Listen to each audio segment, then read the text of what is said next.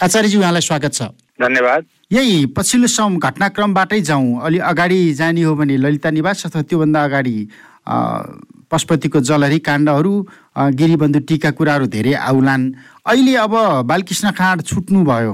उहाँलाई प्रमाणले पनि भेटेन बयानले पनि भेटेन र उहाँले बयानमा त्यस्तो दिँदै दिनु भएन स्वीकारै गर्नु भएन भन्ने ढङ्गबाट छुट्याइयो अब सरकारको सुशासनको अथवा यो कानुनी राजको अभिलाषा पुरा गर्ने काममा गइराखेका छौँ भन्ने सन्दर्भलाई हामीले कसरी विश्लेषण गर्ने? यहाँले उठाएको प्रसङ्गमा राज्यका विभिन्न निकायहरू छ। यो शक्ति पृथ्वीकरणको सिद्धान्त अनुसार न्यायपालिका कार्यपालिका व्यवस्थापिका छ। यद्यपि राज्यका सबै संयन्त्रहरू परिचालित भएर एकीकृत ढङ्गले लाग्ने कुरा छँदैछ। तर सरकारले चालेको स्टेपलाई अदालतले गरेको फैसलाको पृष्ठभूमि राखेर सुशासनबाट सरकार ब्याग भयो कि सरकारले आफ्नो प्रभावकारिता गुमायो कि सरकारले आफ्नो स्टेप चाल्दैन कि भन्ने अर्थ लाग्दैन। सरकार सुशासनको पक्षमा दृढतापूर्वक अगाडि बढ्छ। अदालतको फैसलाको बारेमा त छलफल हुँदै जाला होइन? अदालतले पनि जिल्ला तहको फैसला मात्रै छ। उच्च अदालत र सर्वोच्चको फैसला पनि प्रक्रियामा जाला। तर मूल स्पिडको हिसाबले हेर्दाखेरि सुशासन सामाजिक न्याय र समृद्धिको निम्ति सरकारले जुन स्टेप चालेको छ त्यो स्टेप अगाडि बढ्छ। अहिलेको सरकारले एघार महिनामा सुशासनको अनुभूति ठ्याक्कै कहाँनिर दियो व्यावहारिक रूपमा? दुईवटा एङ्गलबाट यसलाई हेरिनुपर्छ। पहिलो कुरा जन जनसेवा हो। जनताका कामहरूलाई प्रभावकारी बनाउने। प्रधानमन्त्रीले बालुवाटारबाट होइन म सिंहदरबारबाट प्रशासन सञ्चालन गर्छु। सरकारी निवासबाट सरकार सञ्चालन गर्ने प्रणालीको अन्त्य गरेर प्रशासन संयन्त्रलाई राज्यका सम्पूर्ण यन्त्रलाई परिचालित गरेर जाने सन्दर्भमा सरकारले जुन तदारुकता देखाएको छ त्यसले सुशासनलाई प्रत्याभूत गर्नको निम्ति मद्दत गरेको छ।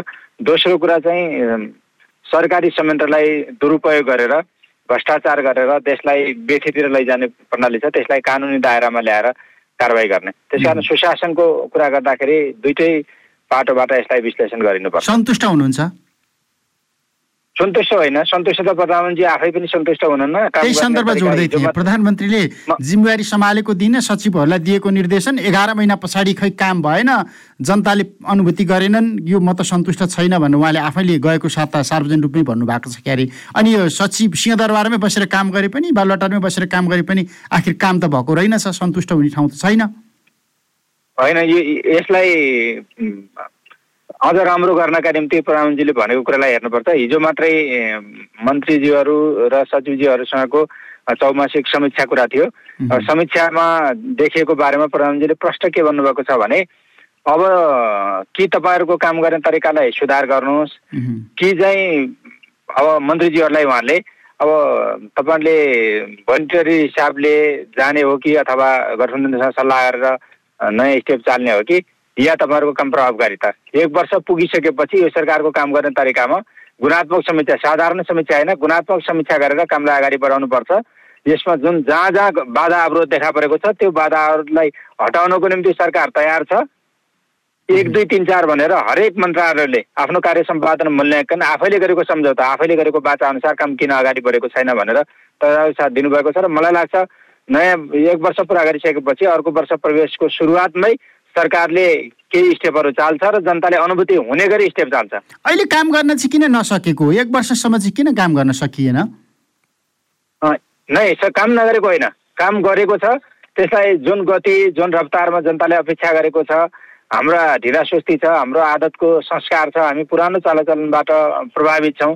सरकारी काम कहिले जाला काम काम त हुँदै गर्छ ठिकै छ हामीले नै गरेर हुँदैन। यस्तो मानसिकता जे छ त्यो मानसिकतामा आइस ब्रेक गर्नको निम्ति केही समय लाग्थ्यो। संसारमा कुनै पनि काम गर्दाखेरि रातारात हुँदैन। नयाँ आदत संस्कार जनताको अपेक्षा पुरा गर्नको निम्ति हाम्रो सिङ्गो राज्य संयन्त्रलाई त्यता परिचालित गर्नको निम्ति पनि केही समय लाग्ने कुरा स्वाभाविक छ। एक वर्षलाई धेरै ठुलो मान्नु पनि हुँदैन। सरकारले स्टेप चालेको छ। प्रधानमन्त्री आफैले घोषणा गर्नुभएको छ सार्वजनिक हिसाबले घोषणा गर्नुभएको छ कि आउने वर्ष नयाँ वर्ष सुरुवात हुँदाखेरि जनताले प्रत्यक्ष अनुभूति हुने गरी कामको सुरुवात हुन्छ। होइन उहाँले घोषणा त पहिलो कार्यकालमा हुँदाखेरि बाहिरिसके पछाडि मसँग सचिवालय थिएन मसँग अनुभव थिएन मसँग टिम थिएन मैले राम्रो काम गर्न सकिनँ अप्रिय ढङ्गबाट त्यहाँबाट निस्किनु पर्यो भन्नुभयो। दोस्रो कार्यकाल कस्तो रह्यो तपाईँ आफैसँगै हुनुहुन्थ्यो क्यारे? अहिले तेस्रो कार्यकालमा उहाँले जिम्मेवारी सम्हालेकै दिन अब चाहिँ जनताले सिधै अनुभूति गर्ने गरी म काम गर्छु भन्नुभएको अनि फेरि एक वर्ष बितिसके पछाडि नयाँ वर्ष लागिसकेपछि काम गर्छु भने यो छेपाराको उखान जस्तो के? आजलाई अब बेसरी जाडो भयो म घर बनाउँछु भने भोलिपल्ट घाम लागिहाल्छ अनि किन चाहियो घर? फेरि साँझ परेपछि उयो कुरा भने जस्तो। अवरोध चाहिँ के हो? पहिचान गर्नु पर्यो नि। सरकारले काम नगरेको अर्थ यसमा लाग्दैन। सरकारले चालेको विकास निर्माणका कामहरूलाई गति दिनको निम्ति त्यो कामलाई अगाडि बढाउने होइन नियमित स्थायी सरकारले गर्ने नियमित कामहरू भन्दा बाहेक राजनीतिक नेतृत्वको हिसाबबाट एउटा परीक्षण हुने ठाउँमा पुगिसके पछाडि सरकारले ठ्याक्कै जनताले देख्ने गरी चाहिँ के काम गर्यो भन्ने हिसाबबाट जाउँ न। मैले तपाईँलाई भने दुई तिनवटा एङ्गलबाट यसलाई हेरौँ नि। सुशासनको सुशासन के भन्नुहुन्छ तपाईँले? बालुवाटारमा सुशासन देख्नुभयो तपाईँले ललिता निवासको सन्दर्भमा तपाईँले अहिलेको भुटानी शरणार्थी काण्डमा सुशासन देख्नुभयो वाइट बडीको सन्दर्भमा सुशासन देख्नुभयो तपाईँले शिविरको अपचलनको फाइलहरू खुले कहाँनिर देख्नुभयो सुशासन तपाईँले? सरकारले गरेको कामलाई तपाईँले अदालत गरेको कामसँग पनि तपाईँले छ्यासमिस पारेर हेर्नुभयो भनेपछि त्यो विषय विषयान्तर मात्रै हुन्छ होइन? अदालतले गरेको अदालत त सरकारको अलगै निकाय हो होइन? राज्यको अलगै निकाय हो अदालतलाई राजनीतिक नेतृत्वले अदालतलाई राजनीतिक नेतृत्वले अलग राखेको छ र के गएको हप्ता होइन र माओवादीको भाग राखेर न्यायाधीशहरू नियुक्तको लागि अगाडि सिफारिस गरियो भनेर आएको होइन समाचार? अदालत अदालतलाई राखेको छौँ हामीले?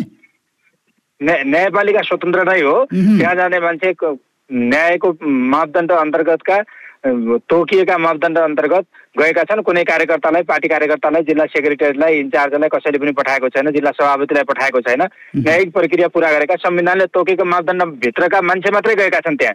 यद्यपि त्यो छलफल गठबन्धनको संस्कृति अनुसार गठबन्धनको सरकार भएको कारणले गर्दाखेरि त्यहाँ केही हुने कुरालाई स्वाभाविक छ। होइन भाग लगाएको छैन न्यायिक प्रक्रिया पुरा गरेका मान्छे मात्रै गएका छन्। तपाईँले अदालतमै सोधे हुन्छ होइन अरूले भन्लान्। कार्यकर्ता कुनै न्यायिक मापदण्ड पुरा नगरेका मान्छे त न्यायाधीश हुनको निम्ति सिफारिस भएका छन् जस्तो मलाई लाग्दैन। योभन्दा अगाडि अदालतको कामलाई सरकारको कामसँग सरकारले गरेका चालेका स्टेपहरूलाई अदालतले गरेको फैसलासँग लिएर बाँच्नु न्यायोचित हुन्छ जस्तो मलाई लाग्दैन। तपाईँले एक दुई तिन चार भन्नुभयो सुशासनको निम्ति सरकारले स्टेप चालेको छ दृढतापूर्वक स्टेप चाल्छ। दोस्रो कुरा सामाजिक न्यायको सन्दर्भमा अनौपचारिक क्षेत्रका श्रमिकहरूलाई एउटा माइल स्टोन हो सामाजिक सुरक्षा कोषमा आबद्ध गरिएको छ।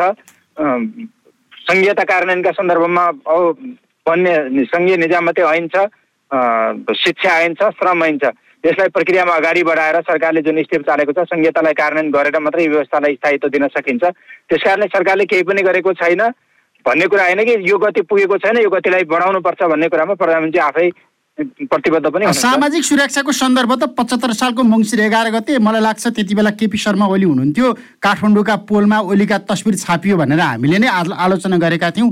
यी पहिला भएका सुरु भएका कामहरूको निरन्तरतालाई जस र अब्जसको रूपमा त लिन पाइएन नि त। पोलमा खोटा झुन्ड्याउनु र त्यसलाई कार्यान्वयनतिर लैजानु होइन शून्यबाट त सरकारले काम गर्दैन नि त। कहीँ न कहीँबाट यो जग्गा एउटा पुरानोको निरन्तर विकासको काम भनेको समृद्धिको काम भनेको जुन जुन सरकार आउँछ त्यसले फेरि जेरोबाटै सुरु गर्ने त होइन नि त। गरेका कामहरूलाई गति दिएर पूर्णतामा लिने गति दिएको कुरालाई पहिले केहीले गरेको थियो भने नगरेको काम चाहिँ यसको अब जस यो सरकारले गरेन भन्ने अर्थ त लाग्दैन होला नि त। होइन यस्तो हो। मैले अब अलिकति राजनीतिक विश्लेषकको हिसाबबाट निरपेक्ष रूपमा सामाजिक सञ्जालमा आम सञ्चार माध्यममा जनमानसमा आइराखेका सार्वजनिक मञ्चहरूमा सुनिराखेका असन्तुष्टिका सन्दर्भमा तपाईँको विश्लेषण चाहिँ के हो भनेर बुझ्न खोजिराखेका छु। अहिलेको सरकारको कामबाट त्यसो हो भने आम रूपमा नागरिक सन्तुष्ट भइराखेका छन् त। यो जुन जुन घटनाहरू आए जुन जुन प्रकरणहरू आए जसलाई जसलाई सुनपानी छर्किएर चोख्याउने गर्ने काम भयो जुनसुकै यो वा त्यो रूपबाट?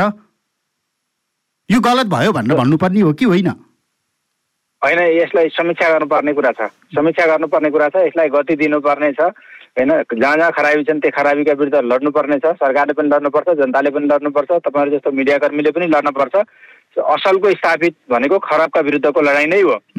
यसलाई मुखदर्शक भएर नबोलेर नलडेर सत्य स्थापित होइन। दुनियाँभरि जहाँ पनि हाम्रै आफ्नो इतिहास छ पनि भोलि हाम्रो लागि पनि खराबका विरुद्धको विजय भयो भनेपछि मात्रै असल स्थापित हुन्छ। लड्ने बाँकी छ भन्ने कुरा होइन। लडाइँ जारी छ लड्नै पर्छ। तर सरकार मुखदर्शक भयो कानमा तेल हालेर बस्यो भन्ने कुरा होइन कि असन्तुष्टि भनेको दुईवटा हुन्छ। केही पनि हुँदैन सम्भव छैन। आदि इत्यादि भने एउटा कुरा हो पुगेको छैन। अझ राम्रो गर्नुपर्छ भन्ने अर्को कुरा हो। असन्तुष्टि छ। पुगेको छैन यसलाई गति दिनुपर्छ झन् राम्रो बनाउनका निम्ति लाग्नुपर्छ भन्ने कुरा मात्र सरकारले आफैले पनि भनिराखेकै छ। प्रधानमन्त्री प्रधानमन्त्रीको सचिवालय प्रधानमन्त्रीको वरिपरि बस्ने र प्रधानमन्त्रीका परिवारका सदस्यका सन्दर्भमा आइराखेका टिका टिप्पणीहरू त्यसलाई चाहिँ कसरी हेर्ने? हरिबल गजुरेले त भर्खरै सचिवालय छाड्नु भयो क्यारे त्यो सल्लाहकार बसेर काम गर्न सकिएन घेरा तोड्न सकिएन पछि बाँकी कुरा गरौँला म जवाफ दिन नसक्ने भएँ भनेर उहाँ त निक्लिसक्नु भएको छ। ती कुराहरूले चाहिँ प्रधानमन्त्रीको यो यात्रा यो छविलाई चह चहकिलो बनाइराखेको छ कि धमिलो बनाइराखेको छ? त्यसमा अब उहाँले परमराजनीति सल्लाहकार भएर के के गर्नुभयो एक वर्षमा त्यो उहाँले भन्ने कुरा उहुँ, उहाँले मैले यो काम गरेँ यति गरेँ यति संयोजन गरेँ। म ने- पार्टीको नेता पनि भएको कारणले त्यसलाई सार्वजनिक बहसको विषय बनाउन मैले आवश्यक ठान्दिनँ। पार्टीभित्र पनि उहाँले राख्नु होला। उहुँ, उहाँले आफैले गरेको आफ्नो विगतको बारे पनि समीक्षा हरेकले मैले उहाँले अरूले पनि गर्नुपर्छ। त्यो गर्दाखेरि राम्रो हुन्छ। दोस्रो कुरा समिति बनेको छ। सरकारले समिति जे प्रश्नहरू उठेका छन् त्यो प्रश्नहरूका बारेमा तपाईँले खास गरी एनसेलको कुरा जोड्नुभयो होला। सरकारले बनाएको समितिले जे प्रतिवेदन दिन्छ त्यसमा जो दोषी हुन्छ जसलाई न्यायको कटघरामा उभ्याउनुपर्छ ती सबै उभिन्छन्। शक्तिको आधारमा हामी प्रधानमन्त्रीको परिवारको अरू पार्टीको अरू कोही नजिकको नाताको हिसाबले हेर्दाखेरि हुँदैन। जो निर्दोष छन् तिनीहरू सुरक्षित हुन्छन् जो दोषी छन् कानुनको फन्दामा आउँछन्। यो जस्तो त्यसमा सिंहदरबार त जे भित्र समितिले- बसेर काम गरेको तपाईँसँग पनि अनुभव छ। राज्यको संयन्त्रले काम नगरिसके पछाडि हरेक घटनामा चाहिँ एउटा समिति बनाउनु पर्ने समितिले सिफारिस गर्नुपर्ने यो सबै गरेर गर्न समिति नै बनाउनु पर्छ भने संयन्त्र चाहिँ के का लागि चाहिने रहेछ राज्यको? नियमित संयन्त्रले चाहिँ कामै नगर्ने। हाम्रो कानुनमुखी संयन्त्रलाई सुधार गर्नुपर्छ र नतिजामुखी बनाउनुपर्छ भन्ने कुरामा त म सहमतै छु तपाईँले भनेको। त्यसका बारेमा पनि छलफल त चलिराखेको छ। खास गरी प्रक्रियादेखि प्रक्रियासम्म। लैजाने प्रणालीको अन्त्य गर्ने र हामीले नतिजा नतिजा त कहिलेकाहीँ शीघ्राति शीघ्र खोज्ने हाम्रो अब चलन पनि छ। सामाजिक सञ्जालले हामीलाई त्यतातिर उत्प्रेरित पनि गरेको छ। तुरुन्तै आजको भोलि नै किन भएन भनेर। तरै पनि प्रक्रियामुखी प्रशासन संयन्त्रलाई नतिजामुखी प्रशासन संयन्त्रमा बदल्नुपर्छ र हाम्रा नियमित संयन्त्रहरूले अझ प्रभावकारी काम गर्नुपर्छ भन्ने कुरा छँदैछ। तर विशेष घटना सन्दर्भ हुन्छ। विशेष घटना सन्दर्भमा जनचासो धेरै भयो भनेपछि त्यसलाई समाधान गर्नका निम्ति विशेष संयन्त्रले काम गर्नुपर्छ भन्ने कुरा पनि फेरि बोल्नु हुँदैन। त्यो प्रतिवेदनहरू चाहिँ के हुन्छ र सिंहदरबारको दराजमा थन्किने भन्दा बाहेक अनुभव हामीसँग छ र? धेरै जसो विगत हेर्नुभयो भनेपछि त्यस्तो देखिन्छ। होइन ठुल्ठुला काण्डहरू भएका चाहे दरबार हत्याकाण्ड होस् चाहे मदन भण्डारी हत्याकाण्ड होस् चाहे अन्य भ्रष्टाचारका काण्ड हुन् चाहे अन्य कुनै काण्डहरू हुन् ती काण्डले मा बनेका आयोगहरूले दिएका प्रतिवेदनहरू कार्यान्वयन नहुँदाखेरि अब हामीले सहज धारणा के बनाउँछौँ भने विगतका प्रतिवेदन जस्तै भोलि आउने प्रतिवेदनहरू पनि उस्तै हुनेछन् भन्ने धारणा त निकाल्न सक्छौँ। तर विगतबाट शिक्षा लिएर आउने प्रतिवेदन त्यस्तो हुँदैनन् र हुनु हुँदैन भन्ने कमिटमेन्ट पनि गर्न सकिन्छ। सुनकाण्डको प्रतिवेदन थन्किराखेकै हो क्यारे? ललिता निवासको प्र प्रतिवेदन त्यही ढङ्गबाट सकिहाल्यो। भुटानी शरणार्थीको सन्दर्भमा यही ढङ्गबाट सकिहाल्यो भन्दाखेरि प्रतिवेदनकै सन्दर्भले पनि खासै काम गरिराखेका छैन। इच्छा शक्ति राजनीतिक इच्छा शक्ति सबैभन्दा महत्त्वपूर्ण रहेछ। राजनीतिक इच्छा शक्ति त हो। शक्ति पृथकीकरणभित्र तपाईँले फेरि सरकारले स्टेप कडा स्टेप चालेर न्यायिक प्रक्रियामा भएको कुरालाई पनि सरकारकै काम दोषतिर दिनु चाहिँ त्यति उपयुक्त नहोला। जिम्मेवारी त लिनुपर्छ नि त। जिम्मेवारी लिनु परेन र मेरो कार्यकालमा भएको भन्ने हिसाब हुन्छ होला। फैसला गर्छ न्यायिक फैसला गर्छ अनि सरकारले मन्त्रीहरूले त्यसको जिम्मा लिने त कुरा होइन होइन हो नि त। प्रतिकूलता हुँदाखेरि चाहिँ मसाल बोकेर सडकमा जाने अनुकूलता हुँदाखेरि चाहिँ दीपावली गर्ने प्रवृत्ति भयो नि त्यो त। फैसलाकै सन्दर्भमा पनि। होइन सर सरकारले त्यो स्टेप चाल्नु गलत थियो ललिता निवासको स्टेप चाल्नु गलत थियो भुटानी शरणार्थीको काम चाहिँ गलत गरेको थियो भनेर कहिले भनेको छ र? सरकारले जे स्टेप चालेको थियो त्यो सही गरेको थियो राष्ट्रको हितमा गरेको थियो जनताको हितमा गरेको थियो जनचाहना अनुसार गरेको थियो। त्यो त गर्छ सरकारले कुनै आफ्नो स्टेपबाट ब्याक भएको छ र यो गर्नु गल्ती थियो भनेर हात त झिकेको छैन। अदालतले चाहिँ रोकिदियो। अदालतले गर्ने फैसलाको जिम्मा त प्रधानमन्त्रीले लिने कुरा होइन होला। अब त्यही त नेपाली काङ्ग्रेसका सभापति शेरबहादुर देउवाले अलि अगाडिदेखि नै बालकृष्णले त न्याय पाउनुहुन्छ यार भन्दै हिँड्नु भएको थियो भनेर आइराखेको थियो। उहाँले न्याय पाउनुभयो। अब यो ढङ्गबाट सबै गठबन्धनभित्रका नेताहरूको स्वार्थसँग जुधेर कति समयसम्म सरकार चलाउने त? होइन। न्यायिक फैसलाका बारेमा राजनीतिक गठबन्धनको गठबन्धनमा सहमति भएर उहाँको मुद्दालाई फिर्ता लिने अथवा सरकारले यो स्टेपलाई मत्थर पार्ने अदालतले गर्ने भन्ने कुरा मलाई लाग्छ कहीँ पनि सहमति भएको छैन। त्यो अदालतले गरेको फैसलाको बारेमा छलफल हुने हाम्रो अलगै निकाय छ स्वतन्त्र ढङ्गले छानबिन होला। तर गठबन्धनको सरकारले चाहिँ भ्रष्टाचार विरुद्धको अभियानलाई मत्थर पार्ने त्यसमा हात नहाल्ने भन्ने कुरा कहीँ समझदारी भएको छैन। त्यो विषय चाहिँ शोभनीय पनि हुँदैन। अब तपाईँ अहिले सरकार अथवा यो राजनीतिक विचारका हिसाबबाट माओवादी निकट अथवा सरकार निकट भएको हिसाबबाट बोल्दै गर्दाका यी तर्क रहे सरकार बाहिर बसेर यस्तै घटनाहरू भएको भएदेखि तपाईँहरूले गर्ने तर्क के हुन्थ्यो?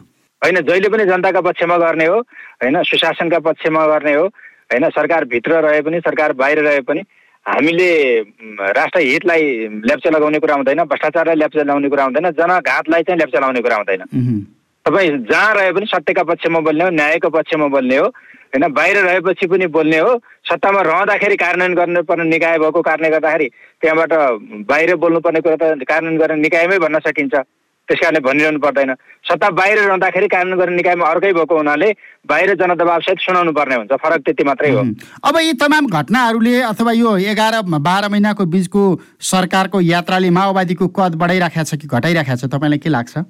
माओवादीले सुशासनका पक्षमा जनहितका पक्षमा जबसम्म आफ्नो आवाजलाई उठाइरहन्छ माओवादीको कदलाई घटाउँदैन। अहिलेको घटनालाई पनि त्यसै गरी लिउँ। कमी कमजोरीबाट शिक्षा लिएर हामीले सुशासनका पक्षमा बोल्ने हो। हुन्छ समय र संवादका लागि धन्यवाद। धन्यवाद।